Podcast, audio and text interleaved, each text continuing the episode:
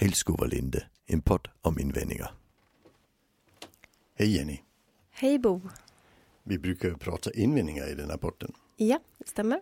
Jag har hittat en invändning. Jaha. Och den var i Expressen faktiskt, på debattsidan. Aha, spännande. Ja. Och den uppträder i lite märkligt sammanhang, men så kan det vara ibland. Mm. Mm. Mm. Det har varit den här debatten om uh, klädkoder på Internationella Engelska skolan i Täby. Ja. Uh, och i den är det alla möjliga som uttalar sig. Ja. Och vi kommer troligen snacka lite klädkoder också, men det är inte så viktigt. Nej, nej, nej. det är inte därför. Utan det kom en, uh, en, en, en debattartikel skriven av två personer. En Ann Heberlein, teologi doktor i etik. Och hon är ju här från Malmö, eller har funnits här i Malmö i många år. Så vi har läst mycket av Ann genom tiderna. Mm. Och i början tyckte jag hon var vettig. Och sen blev det mer och mer märkligt. Men så kan det vara. Ja. Och sen har vi Anna-Karin Windham eh, som är filosofidoktor i pedagogisk arbete. Och de skrev den här eh, inlagan eller debattartikeln där de liksom för det första säger att alltså, det står elever behöver regler, inte värdegrundsfluff. Oh. Mm. Och det är ju spännande. Mm. Och sen säger de att orsaken till att man har en klädkod det är mm. ju för att uh, det är bra att ha regler. Ja. Och det tycker jag är jättespännande. Mm. Alltså för då, det är det första man kan börja snacka om. Ja. Uh, men, men, det är inte det som är målet här. Det är klart det är bra att ha regler. Ja, ja. ja uh, det, tro, det, tror vi på. Ja, ja, ja. absolut. Ja. Det, vi har aldrig sagt något annat någon gång, Nej. eller hur? Nej. Nej. Det spännande är att om, om det är bra att ha vilka regler som helst så kan vi ju ha vilka regler som helst. Mm. Det är ju jättespännande. Mm. Som till exempel att man inte får uttala sig i tidningar, alltså yttrandefrihet kan vi ta bort. Ja. Om, och det kanske inte är lika bra. Nej, precis. Nej, så precis. Det, är en gräns någonstans, ja. och det är väl egentligen den vi snackar om här. Ja. Men i alla fall så säger de att uh, orsaken till att det är bra uh, att ha just en klädkod, det är något, uh, där hänvisas de till broken window principle. Jag brukar hänvisa till det också, mm. fast inte riktigt på det viset de gör. Mm. Historien, det är ju att Giuliani, det är ju han som är, han var Trumps advokat bland annat, men han var ju förr, då var han ju borgmästare i New York. Mm. Och på den tiden på 90-talet, där införde han en princip som heter att om någon krossar ett fönster så ska de lagföras. Ja. För då kan vi få ner brottsligheten. Mm. Och det gjorde man då under en period på ungefär tio år. Och brottsligheten sjönk. Det har mm. sen visat sig, det gjorde den i hela USA. Lika ah. mycket. Mm. Den sjönk inte mer i New York än någon annanstans. Så det gjorde ingen skillnad egentligen. Och det är det man säger, alltså den, den delen av Broken Window Principle, det är Mm. båg. Alltså, Ja. Så de Ja. hänvisar till något som faktiskt inte har stöd i forskning. Ja. För det, gjorde, det var ingen som gjorde en forskning där man sa vi jämför med någon annanstans. Men när man väl tittade på siffran i efterhand så såg man att det gjorde ingen skillnad. Nej. Så, så alltså Heberlein och Windhams argument är ganska enkelt ogiltigt. Mm. Sen fick det några andra konsekvenser. Man fyllde fängelserna med svarta ungdomar. Mm. För det var primärt de som krossade rutor och liknande. Liksom. Ja. Så där sitter mer folk i fängelse, ja, en del av befolkningen än någon annanstans i världen. Ja. Alltså en fjärdedel av alla som sitter i fängelse sitter i USA. Och det är bland annat på grund av den här principen. Mm. Så det blir ju inte bra. Och Nej. framförallt när vi vet att folk som åker i fängelse ju faktiskt blir mer brottsliga. Ja. Så brottsligheten ökar i, i, i, det enskilda fallet. Mm. Det, det, Mm. det, det är viktigt. Jag brukar hänvisa till Broken Window Principle för det de också upptäckte, som Mm. jag tycker är spännande, Mm. det är att när man genast fixar ett fönster som har slagit sönder Mm. så blir det färre fönster sönderslagna. Just det. Det är bra. Mm. Så bra. vi brukar använda det just i förhållande till att vi ska ha en, en faktiskt en snygg fungerande miljö i skolan. Ja. Så att går det en ruta, blir det ritat på väggen, fixa direkt. Mm. Mm. För då blir det färre den typen av situationer. Mm. Eh, Och det har stöd i forskning också. Men det var det. Sen säger de, eftersom de tycker vi ska ha broken window principle, vi ska alltså ha tydliga konsekvenser Ja. eh, direkt, så säger, skriver man, i svensk skola har man satsat på motsatsen. Lågaffektivt bemötande som strategi för konflikthantering innebär att stök och bråk inte får mötas med bestraffningar eller tillrättavisningar. Tvärtom ska den vuxna tona ner sig där någon eller några elever larmar och stökar. På inget vis ska läraren visa att det är läraren som bestämmer. Det gör han nämligen inte enligt denna teori. Mhm. Det är ju jättespännande. Mycket, mycket spännande. För det är väl inte riktigt så vi Nej. brukar säga va? Nej. Alltså vi som företräder den här metoden. Nej. Nej. Om vi ska börja från början. Lågaffektivt bemötande som strategi för konflikthantering innebär att stök och bråk inte får mötas med bestraffning eller tillrättavisningar. Alltså det kan jag i och för sig hålla, emot, hålla med om. Alltså det, det, för det funkar inte. Nej, Nej, alltså Nej. Det, det, det, det har inte heller de visat heller, det är bara en åsikt de har. just det. Utan det vi brukar göra det är att säga att alltså, det beror lite på stöket.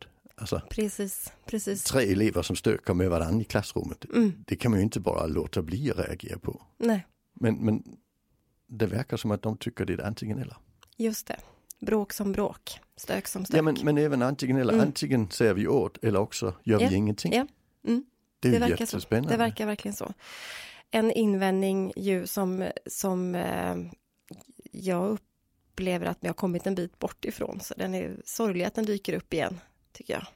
Ja det tycker jag. Mm. Alltså, rent teoretiskt så bottnar den i en, forskning av någon som heter Diane Baumrind på 60-talet. Så Mm. det är ganska gammalt, det är 50 år gammalt. Eh, och eh, Baumrind hon trodde ju det. Ja. Alltså antingen så gör vi ingenting, eller, och det kallar hon då laissez-faire, eller låt gå. Mm. Eller också så blir vi auktoritära. Och sen säger hon, men det är också en mittposition. Så hon, Mm. går ju faktiskt, hon är faktiskt lite mer nyanserad än, än Wentham och, och Heberlein. För det hon säger det är att i mittpositionen där, där, alltså där ser vi åt eh, till viss grad. Mm. Eller faktiskt så skrev hon en debattartikel som, eh, där hon gick i köttet på den svenska modellen för hon sa att eh, alltså barn behöver ju något stryk. Inte, inte, alltså, ingen stryk eller mycket stryk är dumt men, men lite stryk ska de ha, skrev hon och det var ju på 90-talet. Mm. Ja. Men, men det är inte bara därför hon har äh, blivit förlegad. Äh, Diane Baumrind hon hade helt klart fokus på lydnad. Så Mm. det hon mätte det var vad ger mest lydiga barn. Och det gör tydliga konsekvenser inte, säger hon. Det gör en lagom mängd konsekvenser. Mm. Eh, Det var det hon sa. Sen hade hon ju en, eh, en doktorand som heter Wendy Golnick som kullkastade hela detta i sin forskning sen. Eh, För det hon gick in och sa det är att alltså när hon började mäta så Mm. var det ju inte så att det var ett antingen eller. Nej. Det fanns ett antingen eller. Mm. Men det var antingen vill vi uppnå lydnad eller också vill vi hjälpa eleven att bli självständig. Alltså autonomistöd kontra kontroll. Ja. Men sen sa hon, och sen kan vi ha olika grader av struktur. Mm. Så har vi den ytterlighet som Baumrind snackade om, säger hon, det är antingen autonomistöd och ingen struktur eller Mm. auktoritär och, eller vad heter det, kontroll, lydnad Mm. och hög struktur. Mm. Men vi kan lika väl ha kontroll och lydnad och ingen struktur. Mm. Då blir det kaos. Mm. Då blir man rädd för läraren hela tiden. Man vet Ja. inte när hammaren faller. Men hon säger att man kan ju faktiskt också ha en väldigt bra struktur, bra regler som faktiskt funkar. Ja. Och ett högt autonomistöd. Ja, Ja. Och, och det var väl det som Heberlein och Windham behöver läsa på om. verkligen, verkligen. Ja. Och det är ju just detta som ibland dyker upp eh, när man upplever att när man har börjat arbeta lågaffektivt i olika verksamheter, skolans värld eller Mm. andra verksamheter. Framförallt kanske skolan är det som vi stöter på det här att man tycker att det har blivit kaos då. Mm. Eh, och det är ju därför att man eh, man gör ingenting alls. Man lägger ifrån sig ansvaret och i, i princip tittar åt ett annat håll. Det blir ju lite grann så man gör om det uppstår en, en konflikt eller en situation där man faktiskt behöver gå in och tänka att vi ska hjälpa till att lösa det här. Ja. Eh, att vara en del av lösningen. Så istället tänker man om jag inte får sätta ner foten då, då gör jag ingenting alls. Nej. Eh, vilket blir, eh, Det blir jättefel. det är jättefel. Ja, alltså i, i, i där gillar vi ju regler. Ja, Fast vi kallar det struktur. ja, Alltså för det är bra att ha regler på förhand. ja, Alltså det, det, det är problematiskt att ha en konsekvens. ja. För den innebär ofta att, att det upplevs som orättvist. Mm, Alltså men, men, men och, och orättvisa eh, konsekvenser kommer innebära att vi förstör relationen, vi försvårar med att jobba med eleven längre fram. mm, Och det här är ju inte bara något vi säger, det Nej. finns det ju faktiskt forskningsdata på. Ja, Alltså, in- Inte minst hela arbetet eh, kring det här med, med autonomy supportive mm, eh, teaching, uh, autonomy supportive parenting kan man söka på. Och även en, alltså en studie uh, Fraser kollegor vi pratade om för några veckor sedan. Mm. Som faktiskt går i, på djupet här och säger att konsekvensen är, är dubbelt så dålig som att göra ingenting. mm. Men vi behöver inte göra ingenting. Nej, Vi kan ju göra det som är bra också. ja, Eh, ja, Och, och det är ju spännande. Alltså, så, vi, så vi måste ju få situationen att upphöra. Ja. På något vis. Och, och jag brukar inte ha så stora åsikter om hur man får den att upphöra så länge, den, så länge man inte blir våldsam. Nej, precis. Men alltså du får avleda, du får säga ifrån, du får säga nu stoppar vi här, nu gör vi så här istället. Ja. Alltså, men, men det hjälper inte att säga sitt still. Nej. Om, Nej. På någon som inte kan sitta still. Nej. Men du får säga det här det verkar inte funka. Nu gör vi så här istället. Ja. Alltså det kan vara ett sätt att funka på. Det Mm. kan också vara ett sätt att säga du ska inte göra så där, så nu ska vi göra så här. Ja, Men alltid anvisa vad som ska hända. precis, Ja. precis. Och när vi gör det så tar vi ju ansvar för situationen. Mm. För det är ju det spännande. De skriver ju vidare, Windham och Heberlein Mm. skriver att på inget vis ska läraren visa att det är läraren som bestämmer. Det gör hon nämligen inte, hen nämligen inte enligt denna teori. Och det blir Ah. jättefel. Ja, Det är ju direkt eh, ja. felaktigt. Ja, där vi framförallt brukar, alltså vi- pratar ju om det här med att det ska vara tydligt och begripligt och, och då blir det ju här i en otrolig, eh, vad ska man säga, felaktighet. Eh, men vi kanske, inte, vi kanske inte direkt lägger tyngdpunkten där att du ska visa vem som bestämmer. Nej, Men, men, men i att veta liksom ramarna, förväntningarna, vad pågår här, eh, så, så blir det ju väldigt, väldigt tydligt. mm. Jag tycker det, det är skillnad på att prata skuld eller ansvar. Ja, Alltså det är det är samma sak här. mm, Alltså vi tar ansvar för situationen alltid. Mm. Vilket innebär att det är vi som ska styra vilket håll det ska gå. ja, ja, Men det är upp till oss att få det att hända. ja, Det är inte eleven som ska Nej. leva upp till vad vi Nej. vill. nej, Och det innebär ju då att det blir inte lydnad vi är ute efter. Vi, vi är ute efter följsamhet. ja, Men den följsamhet ska ju vara frivillig. ja, För då får vi ett samarbete.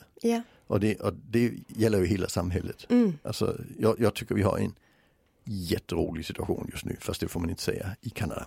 nej, Eh, Vi har på grund av restriktionerna Mm. så är det ju blivit att 2000 personer med 1000 fordon varav de flesta lastbilar har åkt till Ottawa och härjar. Mm. bor i tält i parkerna och vad vet jag. Mm. Eh, för de vill liksom inte ha restriktioner. Och, och, och där är fler, de här 2000 är fler än det är poliser i stan. Så det blir jätteproblematiskt. Mm. Eh, och, och, nu har de utlöst undantagstillstånd den här dagen där vi spelar in läste jag i morse. mm, Där har man alltså gjort några regler som 2000 personer i ett jätteland inte vill följa. nej, Och det innebär att det blir kaos i samhället. ja, Det är ju ja, jättespännande. jag. Mm, I klassrummet skulle det ju innebära att vi gör en regel som en person inte vill eller kan följa. ja. Och, Och, sen blir det kaos i klassrummet. ja, och i, det är ju inte helt sällan det är så att de där reglerna som kanske har de allra tuffaste konsekvenserna, det är ett fåtal elever som faktiskt Mhm. har problem med kanske att komma i tid, Sitta still, sitta still, hålla tyst. hålla tyst, att inte ifrågasätta när man inte förstår utan man tycker att äh, lärarens argument kanske inte håller. Alltså det här som på något sätt, så, så det, det är ju faktiskt inte, vi är ju inte långt bort från detta exemplet egentligen. Nej, det, det är egentligen ganska nära. Eh, ja, Och det spännande är att vi, vi, jag upplever väldigt sällan att vi har elever som rent faktiskt säger jag vill inte göra som du säger. nej, verkligen Utan, inte. utan alltså, där, där, är en som har skrivit, en, Maria Wiman har, Mm. har svarat på den här. Hon säger att uh, Windham och Heberlein har nog inte varit i skolan så mycket. Nej. Alltså för dem, det funkar inte så.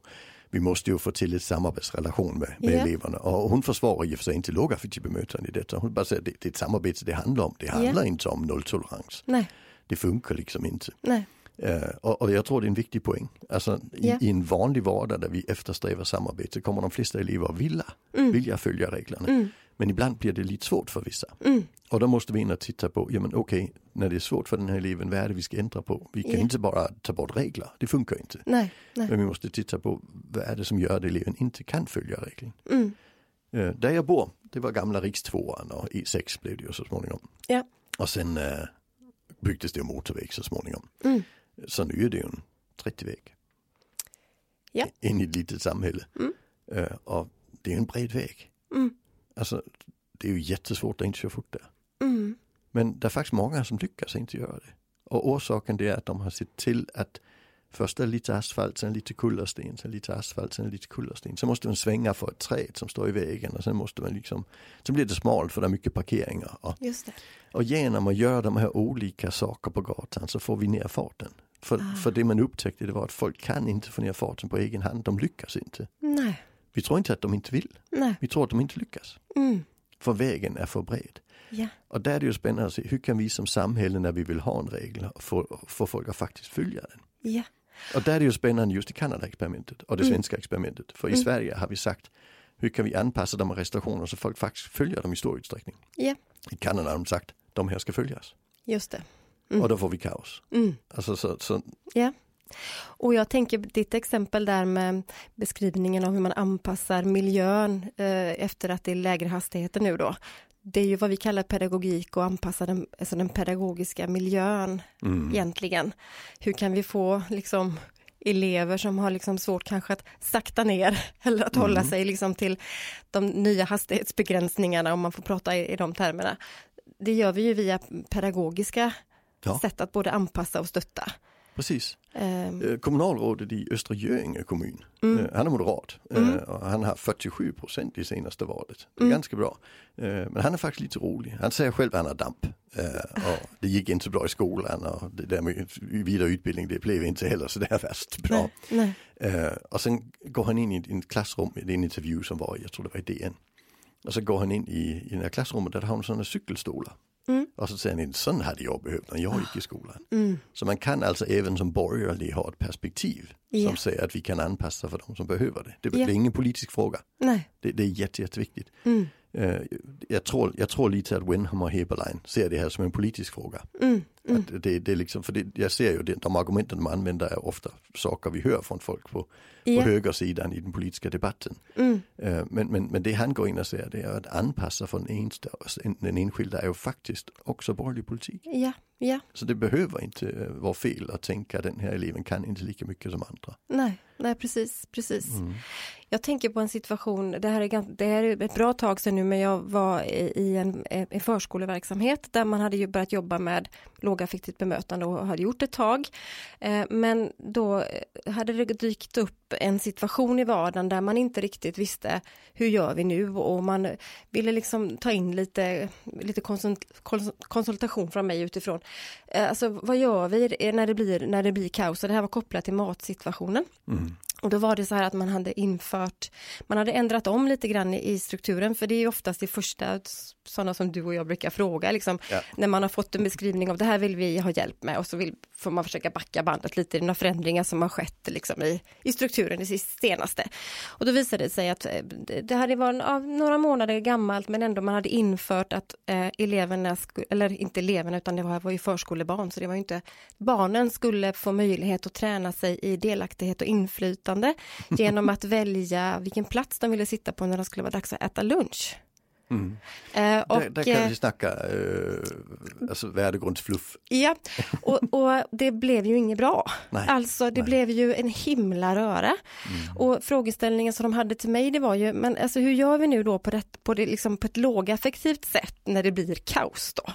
Och det var ju eh, inte alla barn som det blev kaos, för vissa kunde ju liksom, ja, ja okej jag tar väl en stolen som var ledig, men det fanns ju några som hade lite eh, svårare att sakta ner och få ner farten kan man säga. Så det blev ju konflikter. Ja.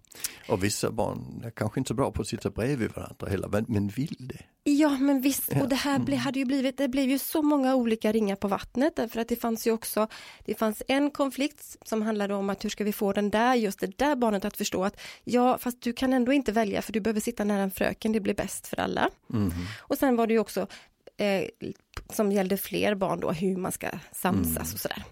Och det här på något sätt kommer jag att tänka på nu när vi pratar, att det här blir ju på något sätt ett väldigt, väldigt tokigt sätt att tänka att vi på något sätt skulle säga att mest lågaffektiva är att liksom, ja, men bara tona ner dig. Låt, det, låt konflikten Låt bara vara låt där. saker hända. Låt saker hända, det blir som det blir. Och så Mm. gör vi om samma grej imorgon och dagen Ja. därpå och vi bara kör på och så hoppas vi på att barnen ska lösa detta. Mm.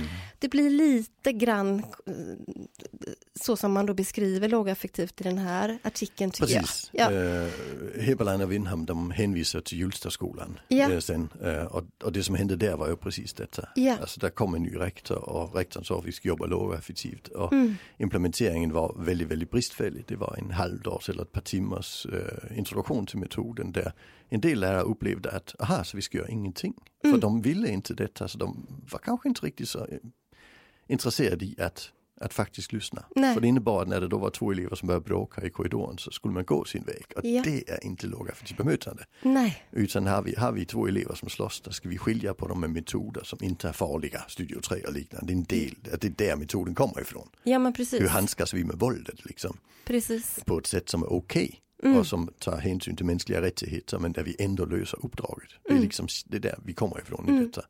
Så det blev jättefel. Mm. Eh, och, och när man då säger att ja, men bemötande, se där, det funkar inte. Nej. Det blir jättekonstigt. Mm. Alltså mm. det, det, det, det, svar, ja, det svarar jag till att säga, alltså mitt kont- här, vi sitter och spelar in i studion i Malmö, den ligger på en gågata. Mm. Och, och det är en regel att man inte får köra bil här. Men, Ja. men ibland är det faktiskt någon lastbil som kör in efter klockan 11 och lastar av. Ja, och, just det. och, Mm. och, och, och tänk om den kör på en cyklist då. Ja. Då kan man ju gå in och säga, ja men gågator är fullkomligt livsfarliga för cyklister. ja, just det. Just det. Ja. Mm. Det skulle man Det kunna skulle säga. kunna hända, ja, kolla vad som hände i Malmö.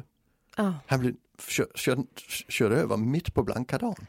precis. Ja. Och, och Precis. så kan man inte göra. Nej. Alltså, att, att ha en metod och tillämpa den felaktigt och sen klaga på det fel på metoden. Det funkar inte. Men det är ju ty- tyvärr ett argument som används en del i just högerkretsar är någon konstig orsak. Mm. Och jag har svårt att se detta som en höger-vänster fråga. Alltså det, det förstår inte jag. Nej, nej. Utan, ut, utan det, det handlar ju just om att säga att, att om vi ska ha lika villkor så måste vi göra en anpassning för vissa som behöver det. Ja, Alltså Ja. så är det. Men det, och jag tycker inte det är något problem att ha regler på en skola. Vi ska ha regler på en skola.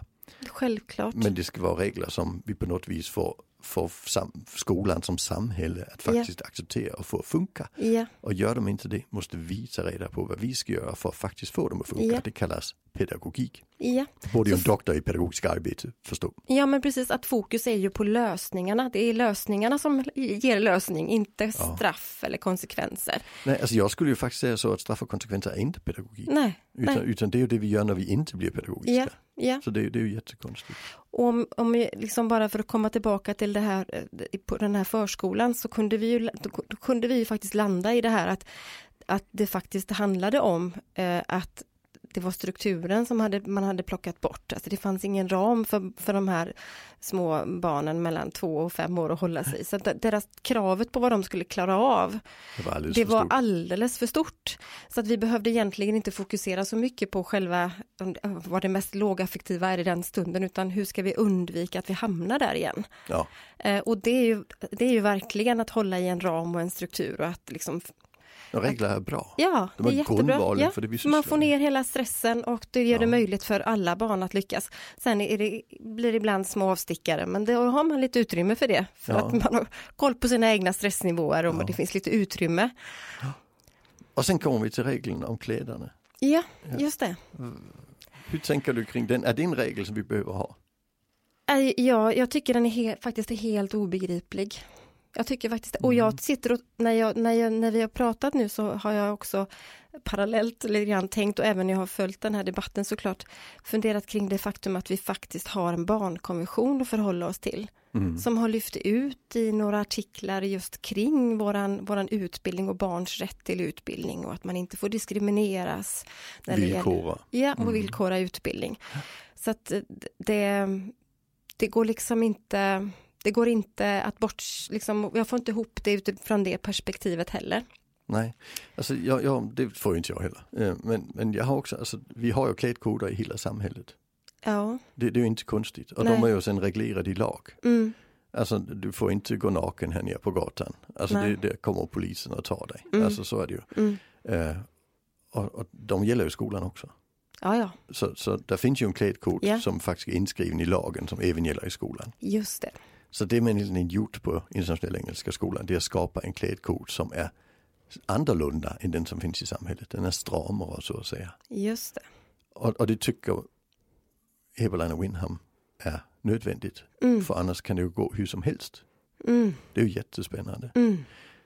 Alltså, hur tänker du kring det här med att, att vi kan ha regler som, som alltså ungdomar, jag vet, hur var det när du var ungdom? Alltså, hade du liksom en, ska vi säga, tyck, tyckte du om att uttrycka dig via kläder?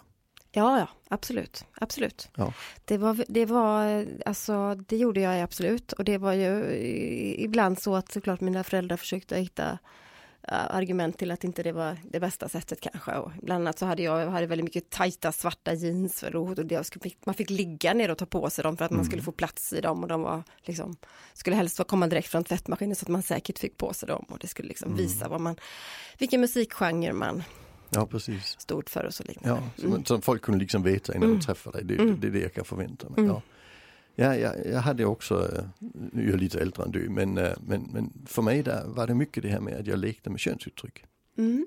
Så eh, inte så att jag gick i klänning. Det, det hade varit lite för konstigt i den frireligiösa sammanhang jag växte upp i. Men, Mm.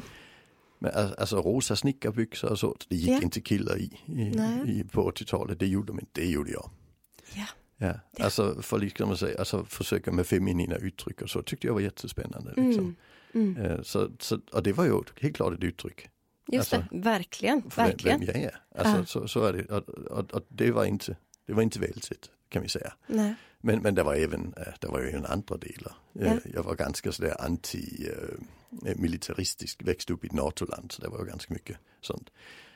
Så jag köpte ju militärkläder och, och, och, och gjorde fel. Ja, ja. Ett fredstecken på en militärjacka är ju lite kul, eller hur? ja. Ja, så, så, men, och, och jag skulle ju säga att alla de här sakerna det är ju, det är ju uttryck för en yttrandefrihet. ja.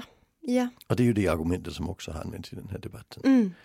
Eh, Så då blir det ju problem ja. att försvara det. Men, Mm. men det betyder inte att jag tycker att barn ska få klä sig vad som helst. För vi har ju en lag Mm. Mm. och den lagen säger att du får inte vara naken var som helst. Nej, Du får, du får inte stö, ha stötande på, alltså du får inte klä dig stötande. Nej. Liksom. nej. Eh, och det är ju inte heller det vi snackar om med de här eleverna. Det är ju bh-band och, och, och liknande, det är ju inte stötande. Nej. Så det är alltså personer som tycker att det är okej att ha andra regler för barn än de som är de regler vi bestämmer inom yttrandefriheten som en, en mänsklig rättighet, en del av grundlagen. Mm. Mm. Det tycker jag är spännande. Ja. Just det. Jag tänker det handlar om det de faktiskt skriver själva. Vi måste ha regler som är så tuffa så att eh, barn blir lydiga Mm. på det, i det lilla. Ja, För då blir de nog också i det stora, tänker man. just det. Fast det är inte det som Broken Window Principle forskning Nej, visar. nej. Det är ju lögn. Mm. Ja, det blir ju rätt tydligt, alltså man får ju tanken i alla fall, jag får tanken på att det blir ett tydligt sätt att visa att här ska du förhålla dig till de reglerna vi sätter upp. Klädkod är ett sätt. Detta, Mm. alltså du ska bara liksom, du ska lyda, du ska liksom rätta dig efter det vi bestämmer Mm. kopplat till dina kläder, vilket ja, skulle kunna eh, kratta manegen för andra typer av saker som du bara måste förhålla dig till. Ja. Ska du vara med här så får du göra så här. Precis. Och det, det, det, så vill vi inte ha det på... eh, Nej men det finns ju en, det finns en logik. Mm. Alltså logiken är då att lyckas du inte med detta, då blir Mm. det många kvarsittningar. mm, Blir det många kvarsittningar vill inte du gå i den skolan. just det. Då kanske du väljer en annan skola. Mm. Så, så det innebär ju att de som har svårt Mm, för detta kommer inte vara kvar i skolan. Så jag skulle ju säga att skolan, det är ett jättebra sätt att se till att få de lydiga ungarna och inga andra. nej, nej. Nej, Ett, alltså, ett, ett bra sätt att diskriminera. Ja, det blir det ju. Ja. Mm. Alltså, sen kan vi säga, är klädkoden då rätt sätt? Men man gör det ju hela vägen. Det är ju att sitta still, det är ju att hålla tyst när läraren pratar, det är ju alla de här sakerna som Ja. en del elever har jätte, jättesvårt för. Mm, Och börjar vi göra regler kring det och sen upprätthålla den här typen av konsekvenser på det så kommer vi ju att diskriminera. mm, mm. Härmed säger vi ju inte att internationella engelska skolan gör det i alla lägen Nej, på detta. Det, det är inte. det vi säger. Nej. Men vi säger det här med att ha den här typen av er, er konsekvenser på väldigt enkla eh, Ja. regler. Ja. Det blir faktiskt problematiskt. ja, och egentligen så det vi, det vi pratar om här handlar ju också om att man på något sätt gör, man blandar ihop saker. Ingången i detta, att vi pratar om detta idag, handlar ju om att, att lågaffektivt bemötande beskrivs i en artikel kopplat till Engelska skolan Ja. nu. Och sen så det här med klädkoder, att det på något sätt blir, det blir ju anti, hela tiden ett antingen eller. Antingen så får man inte ha klädkod eller så kan man ha klädkod. Det är ju det vi egentligen pratar om i, i detta nu. Att det Ja. blir, det blir, att det här behovet på något sätt att ha något Ja, att det bara finns två sidor på, på, på ett mynt på något vis som, som vi inte kan Vi kan inte låta bli att lyfta upp det, vi måste liksom visa nyanserna Ja, alltså jag har också jobbat med internationella skolor som Mm. jobbar, till exempel, den, alltså det finns ju sån här stort system av internationella skolor. De har jag jobbat ganska mycket med, för det som är spännande med dem, det är Mm. att de får inte säga nej till elever. Nej. För kommer du som diplomat till ett land så måste ditt barn kunna gå i skolan någonstans utan att behöva lära sig det landets språk om man bara ska vara där i två dagar. Ja. Eller två år eller något. Så, så det är ofta så att man har här, och de är ganska duktiga. Mm.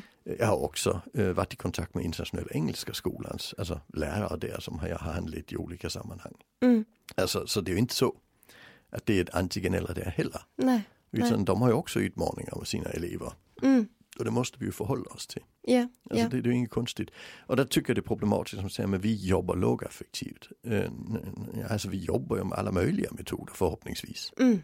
Mm. Eh, anpassade efter situationen och Ja. ett lågaffektivt tänkande är en, en bra grund för det. Ja. Alltså, eh, och, och då kan vi stoppa in alla möjliga metoder på det. Mm. Där regler bland annat är en. Klassisk och bra metod. Men vi måste förhålla oss till det. Mm, mm.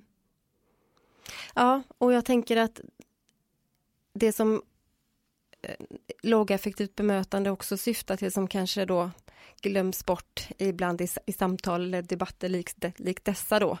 eh, Det är ju att syftet är ju att skapa liksom en, en miljö eh, och ett bemötande som, som håller liksom stressnivåer i schack, både alltså hos alla Mm. parter. I skolans värld handlar det om att man ska känna att man har koll på sina egna stressnivåer som lärare, men att eleverna också har det så att inte det behöver bli de där plötsliga liksom, affektutbrott eller att det ska skapa liksom någon slags grundläggande hög stress som gör att man att bägaren blir full med jämna mellanrum. Det är ju Mm. liksom själva grundtanken och då blir det ganska självklart att då innefattar det strukturer, regler, förväntningar, detta ska hända nu. Mm. Alltså mycket, och mycket av det här pedagogiska liksom. Ja. Vad har jag att förvänta mig av den närmsta stunden? Och med det tycker jag faktiskt vi kommit omkring den här debattartikeln. Ja, ja, Det var inte så mycket i den där kritiken, eller hur? nej. Jag tror vi nöjer oss så. Ha det bra. Tack så mycket.